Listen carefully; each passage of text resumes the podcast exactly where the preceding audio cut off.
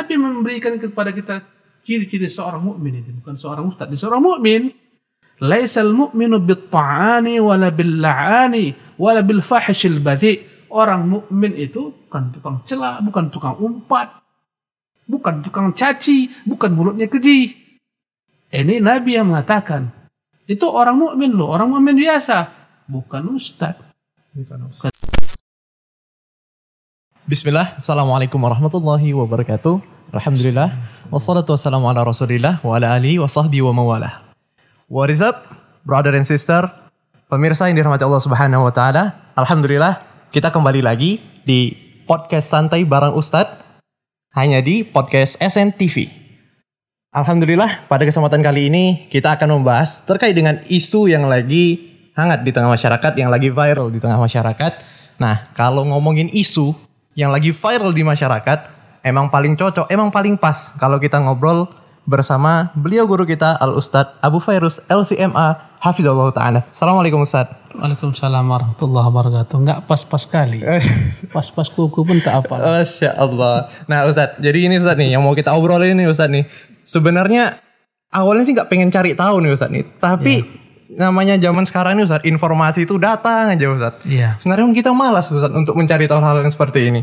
Ya itu datanglah dari grup WA keluarga, dari di YouTube, dari mana Ustadz? Nah itu kan. Apa itu yang datang tuh apa? Ini Ustadz masalah zaman sekarang ini antara public figure kita juga Ustadz atau orang yang diulamakan lah gitu istilahnya kita bilang seperti itu Ustadz.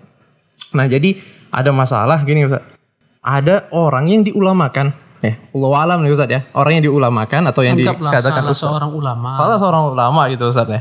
Nah itu dia mungkin dalam berbicara Ustadz ya itu Mantap. Kata- Orator. Mantap gitu loh Ustaz lah gitu kan pedas lah gitu istilahnya panas ucapannya bahkan dia dengan lantang berani Ustaz di depan forum mengatakan seseorang tuh menggelari seseorang sebagai ahlu maksiat gitu loh Ustaz Kata-kata kotor. kata-kata kotor Ustaz oh ya orangnya mungkin dia nggak suka mungkin Ustaz ya dengan orang itu nah ini Ustaz apakah berhak Ustaz ulama atau Ustaz seorang Ustaz memiliki sifat yang semacam itu Ustaz? Antum gimana karakter ustadz itu iya sebenarnya gimana? Ustaz kira apanya Pandangan karakternya Islam yang layak sebagai panutan. betul Itu Ustaz mungkin maksud antum. iya itu maksud Masya Allah Bismillah walhamdulillah wassalatu wassalamu ala rasulillah wa ala alihi wa sahbihi ba'd kalau kita mengacu kepada Quran yang namanya da'i, ustadz, syekh Allah Jalla fi'ula mengatakan ud'u ila sabili rabbika bil hikmah wal mau'izatil hasanah wajadilhum billati ahsan. Jadi kata Allah Subhanahu wa taala hendaklah engkau menyeru kepada jalan Tuhanmu. Ini salah seorang dai itu niatnya adalah menyuruh orang kepada jalan Tuhan. Bukan kepada dirinya. Bukan orang sebagai fanatik kepada dirinya. Harus kepada Allah. Bil hikmah dengan cara yang hikmah. Wal mau'izatul hasanah dengan wasiat dengan nasihat yang baik wajadilhum billati ahsan. Dan debatlah mereka dengan cara yang terbaik. Ini menunjukkan bahwasanya agama Islam tak menyukai yang namanya kekerasan. Tak menyukai yang namanya kekasaran. Bahkan andai kata seorang ingin memperbaiki orang lain dengan kata-kata kasar, tak disukai dalam agama Islam. Nabi kita yang mengatakan, Sallallahu Alaihi Wasallam, maka rifku fi kulli syai'in illa zanahu. Tidaklah kelembutan dalam segala sesuatu kecuali akan membuat indah suatu perkara. Wala nuzia min syai'in illa syana. Tidaklah kelembutan dicabut dari sesuatu kecuali akan membuat jelek segala sesuatu. Andai kata antum ada orang yang berbuat maksiat, apa dia peminum khamar? Eh, dasar engkau peminum khamar. Dasar engkau pelacur. Ini tidak akan mendatangkan manfaat. Ini bukan mendakwahi. Ini mempermalukan apalagi di media publik, di tempat-tempat umum. Setiap orang tuh, Imam Syafi'i mengatakan, andai kata engkau menasihati depan orang, engkau sebenarnya bukan sedang menasihati, tapi mempermalukanku. Itu kata Imam Syafi'i rahimahullah, ta'ala. Bukan itu nasihat. Kalau kita ingin memperbaiki orang, tujuannya adalah mengajak manusia kepada kebaikan. Ada sarananya dengan tadi kata Allah SWT dengan hikmah, nasihat yang baik, kalaupun ada dialog, dialog yang baik. lemah lembut Ustaz ya Jangankan kepada ahli maksiat yang dia masih beragama Islam. Taruhlah mungkin seorang apa, penyanyi kah dia, yang fasik atau apa. Kepada orang kafir saja nih, kafir. Kalau kita berdialog dengannya dilarang kita berkata-kata kasar kata Allah. wajah jadil uh, kata Allah taala wajadil ahli kita uh, kata Allah taala billati ahsan. Ya. Hendaklah kalian yakni berdiskusi, berdialog dengan ahli kitab. Kata Allah, "Wala tujadilu ahli kitab illa billati ahsan." Janganlah kalian berdialog, berdiskusi, mendebat ahli kitab kecuali dengan jalan yang paling terbaik. Di dalam berdialog dengan orang kafir, Orang kafir pada ya. Wala tujadilu ahli kitab illa billati ahsan. Jangan kalian mendebat orang-orang ahli kitab dengan cara terbaik. Dan Nabi memberikan kepada kita ciri-ciri seorang mukmin ini bukan seorang ustaz, ini seorang mukmin. Laisal mu'minu bit-ta'ani wala bil-la'ani wala bil fahishil badhi. Orang mukmin itu bukan tukang celah, bukan tukang umpat, bukan tukang caci, bukan mulutnya keji. Ini Nabi yang mengatakan, itu orang mukmin loh, orang mukmin biasa, bukan ustaz, bukan kiai, Orang bukan biasa. habib, bukan syarif, bukan tuan guru, bukan cikgu. Itu orang mukmin. Dan dalam praktek dakwah Nabi, pernahkah Nabi berkata-kata kasar dalam berdakwah? Tidak. Orang Yahudi mengatakan, Assalamualaikum Muhammad. Artinya, matilah kau Muhammad. Aisyah mendengar ibunda kita marah dan dia mengatakan, Alaikasamu wal la'nah. Engkau yang mati terlanat. Kata ibu, kata Rasulullah SAW, Ya Aisyah, apa yang kau katakan? Kata ibunda kita, Ya Rasul, tak kau dengar apa dia katakan? Ku dengar. Ya, kau dengar apa ku jawab? Nabi hanya menjawab, Waalaikum. Dia assalamualaikum, mampuslah engkau. Gitu lagi, matilah engkau Muhammad. Nabi hanya menjawab, Waalaikum dan atasmu kematian itu. Nabi tak sebutkan. Masya Allah. Itu Nabi yang mulia SAW. Nabi itu mengharamkan lidahnya berkata-kata kotor. Ya. Antum melihat lagi contoh lainnya dalam kehidupan Nabi SAW. Ada orang munafik, ada orang fasik. Yang tak bagus perilakunya, akhlaknya. Datang menemui Nabi. Dari jauh nampak Nabi seketika Nabi mengatakan kepada sini.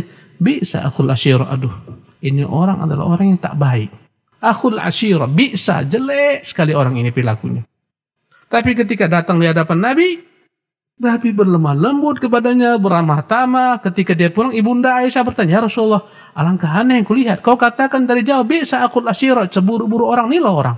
Tapi ketika kau dekat dengan dia, kau berkata-kata baik, kata kata Rasulullah, ya Aisyah, ya, sesungguhnya Allah SWT tak menyukai al-fuhsya wal tafahus, kekejian dan omong yang keji. Subhanallah. Ini menunjukkan akhlak Rasulullah SAW.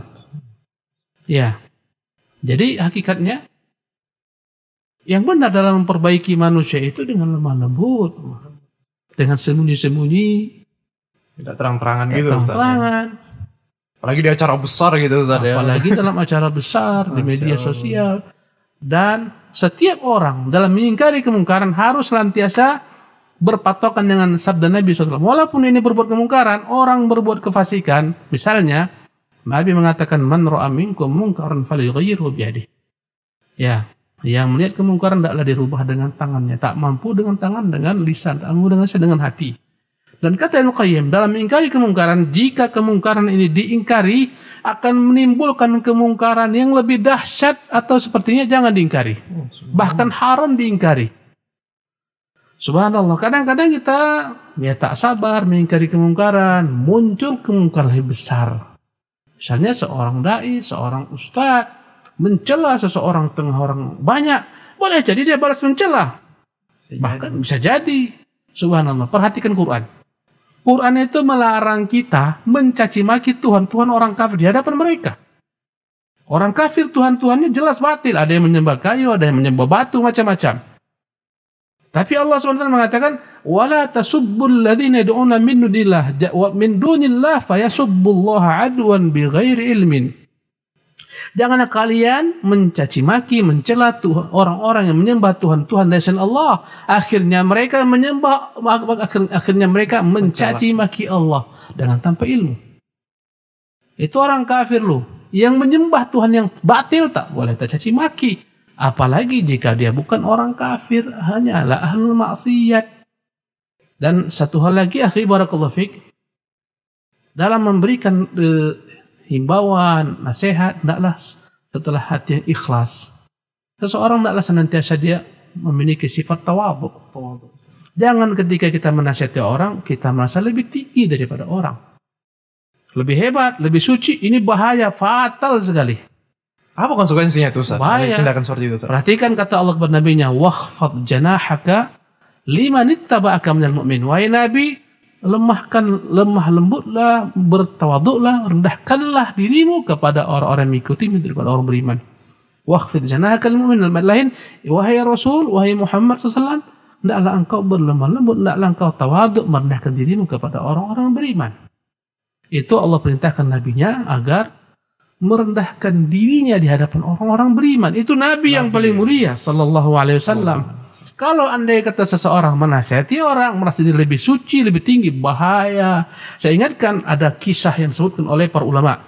Kisah tentang dua orang ini yang berteman. Pertemanan mereka akrab. Tapi yang satu ahli ibadah. Yang satu lagi ahli maksiyah. Berbanding terbalik. Iya, berbanding. Yang ahli ibadah ini taat beragama, selalu menyembah Allah. Ya. Suatu ketika dia nasihati kawannya, kawannya tak betul. Besok nasihati lagi, dia nasihati terus. Kawannya marah, kata kawannya, eh, kau nggak usah ngurus-ngurus aku lah, terserah apa mau buat. Marahlah sahabatnya yang ahli ibadah ini. Dia katakan, Wallahi la yaghfirullah. Nabi Allah, Tuhan Allah tak akan mungkin mengampunimu. Tinggalkannya, pisahlah mereka. Di hari kiamat Allah kumpulkan mereka berdua. Maka kata Allah Subhanahu wa taala, "Man dalladhi ta'ala alayya alla aghfir li fulan?" Siapa dahulu yang bersumpah atas nama aku tidak kuampuni si fulan? Saksikanlah, aku telah mengampuninya wa uhbitu amalak, aku telah menggugurkan semua amalanmu. Orang ini melangkahi Allah, merasa dirinya lebih hebat, lebih suci. Sehingga dia menutup pintu ampun Allah SWT mengatakan Allah tak akan mungkin mengampuni, mengampunimu. Ini menunjukkan kesombongan. Bahaya harus sombong. Berarti secara umum sifat yang seperti itu tadi bisa mengantarkan kepada kesombongan tadi Ustaz ya? Bisa- Jelas ya sih. Maka kadang-kadang orang, ikhwan kita sendiri kadang-kadang menasihati orang, tapi ingin menunjukkan padanya kita hebat, punya ilmu. Betul. Bahaya. Penyakit itu. Bahaya sekali. Maka boleh jadi ahli maksiat itu punya ketakutan kepada Allah Subhanahu wa taala yang menjadi sebab dia masuk surga. Masya Allah. Boleh jadi orang banyak beribadah, sombong dengannya bangga, jadi sebab masuk neraka. Sa'id bin Jubair salah seorang tokoh tabi'in mengatakan wa innal abda la ya'malu bil hasanah yadkhulu bihan nar. Ada seseorang hamba yang dia berbuat perbuatan kebaikan tapi masuk neraka. Wa innal abda la ya'malu bis sayyi'ah yadkhulu bihal jannah. Ada orang berbuat buruk, ahli maksiat. Dengan sebab itu dia masuk ke dalam surga. Murid-muridnya, ya Syekh, bagaimana ini? Ya, dijawab oleh Sa'id bin Jubair. Orang yang berbuat kebaikan terus-menerus, berbuat kebaikan, merasa takjub dengan dirinya, bangga, hebat. Merasa dirinya hebat, ilmunya tinggi, nasabnya hebat, mulia, sombong. Masuklah ke dalam neraka. Ya, Sementara orang yang berbuat buruk ini senantiasa dia tahu dia berdosa, menyesal, belum mampu meninggalkan kejelekannya, tapi selalu ingat Allah, ingat Tuhannya. Karena takutnya kepada Allah Subhanahu wa taala ini, Allah Subhanahu wa taala masukkan dia ke dalam surga. Ada satu hadis ini, dahsyat hadis ini subhanallah. Dan hadis ini sahih. Ada seseorang yang dia tak pernah ber- berbuat kebaikan dalam hidupnya. Kata Nabi, lam ya'mal khairan qat, tak pernah buat baik. Dia kumpulkan anak-anaknya, dia beri wasiat. Nanti kalau aku mati, tolong terapkan wasiatku. Apa ya anda? Tolong bakar tubuhku ini. Tunggu setelah jadi abu, nanti ketika ada angin kencang terbangkan semua debu ke ini. Subhanallah, matilah dia. Dikerjakan oleh anak-anaknya. Dibakar, disebar. Di hari kiamat Allah subhanahu wa ta'ala kumpulkan semua tubuhnya terbakar dan menjadi satu. Maka Allah subhanahu wa ta'ala bertanya, Hai hamba, apa yang membuat engkau mewasiatkan demikian? Ya Rob, aku takut jumpa denganmu. Dalam wasiatnya kepada anak-anaknya, bakar ayah kalian ini. Sungguh ayah kalian tak pernah berbuat kebaikan. Demi Allah, andai kata ayah akan jumpa Allah ta'ala, Allah akan mengazabnya azab yang tak pernah Allah azab segala macam makhluknya. Karena itu bakar dia. Karena takutnya ini, Allah masukkan ke dalam surga, Allah ampunkan dosanya. Ahlu maksiat. Maka kita yang ngaji-ngaji, yang berbuat taat, sholat, menjaga, jangan sampai muncul sifat ujub. Terakhir, kata Nabi SAW, wa inna rajula la ya wa inna rajula eh, la bi amali ahli jannati fi ma yabdulin nas wa huwa min ahli nar. Ada sebagian orang beramal amalan ahli surga dalam pandangan manusia padahal dia ahli neraka. Sebaliknya wa inna rajula la ya'malu uh, wa inna rajula la ya'malu bi amali ahli nar Fima yabdulin nas wa min ahli jannah. Ada seseorang beramal amal ahli, ahli neraka dalam pandangan manusia padahal dia ahli surga. Apa tafsirannya? Tafsirannya orang yang beramal amal ahli surga ini sombong, bangga segala macam. Nampak manusia bagus. Oh kiai ini, ini ustaz dibenamkan dalam neraka. Subhanallah. Karena kesombongannya. Bahaya. Dalam pandangan manusia, oke, okay. oh ini orang hebat. Allah Jalla wa'ala tak menyukai orang-orang sombong. Subhanallah. Sementara yang berbuat dosa dalam pada manusia, eh kau pasti kau segala macam. Dia merintih ketika sendirian, dia menyesal, dia takut kepada Allah Subhanahu wa taala. Dengan sebab takutnya Allah beri keamanan kepadanya. Maka dalam hal ini hendaklah kita senantiasa dalam keadaan tawadhu. Jangan pernah merasa diri kita lebih hebat daripada makhluk lain. Dan itulah hakikat kesombongan. Kata Nabi, sombong adalah Batrul haq wa ghamtun Sombong itu adalah ketika engkau menolak kebenaran dan merendahkan orang. Jangan kau rendahkan, hai pelacur, hai engkau penzina, hai engkau peminum kamar. Jangan. Tak bisa. Bahaya. Oke kira-kira. Masya Allah. Nah Ustaz, jazakallah khairan Ustaz. Atas apa yang antum sampaikan. Panjang kali yang ngomong. nah pemirsa yang dirahmati Allah Subhanahu Wa Taala, uh, alhamdulillah semoga apa yang bisa apa yang telah beliau sampaikan bisa memberikan manfaat kepada kita semua. Untuk itu, mari ikuti terus, follow terus updatean kita melalui akun-akun YouTube kita, bisa juga melalui Instagram kita atau bila bisa melalui audio di SoundCloud atau juga di Spotify kami. Uh, naam, jazakallahu khairan Ustaz. Uh, Assalamualaikum warahmatullahi wabarakatuh. Assalamualaikum.